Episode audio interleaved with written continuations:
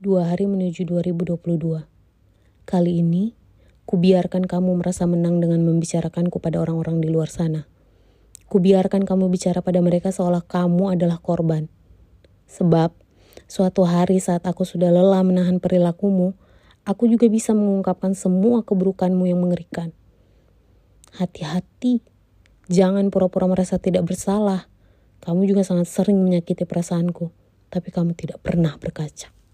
Ketika kamu memisahkan diri dari orang yang beracun, mereka hanya menceritakan satu sisi cerita yang membuatmu terlihat buruk dan membuat mereka terlihat polos.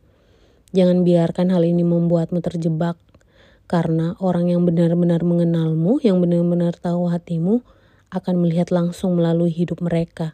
Aku berkaca dari kejadian kemarin. Terserah apa pun itu penilaian orang lain terhadapku.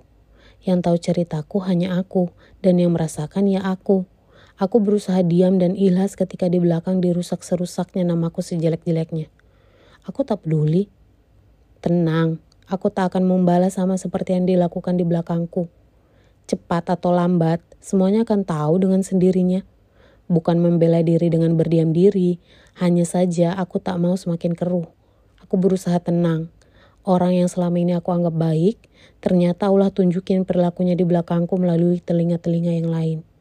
Dan baiknya lagi, Allah tunjukin semuanya yang sempat tidak aku ketahui.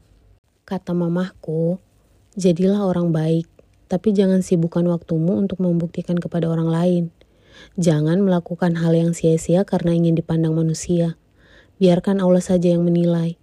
Pun, ketika semua orang memandangmu baik, ternyata ada lebih banyak orang yang tak menyukaimu. Hati manusia bukan wilayah kita, jadi santai saja. Selama percaya, Allah pasti pertemukan kita dengan orang baik juga.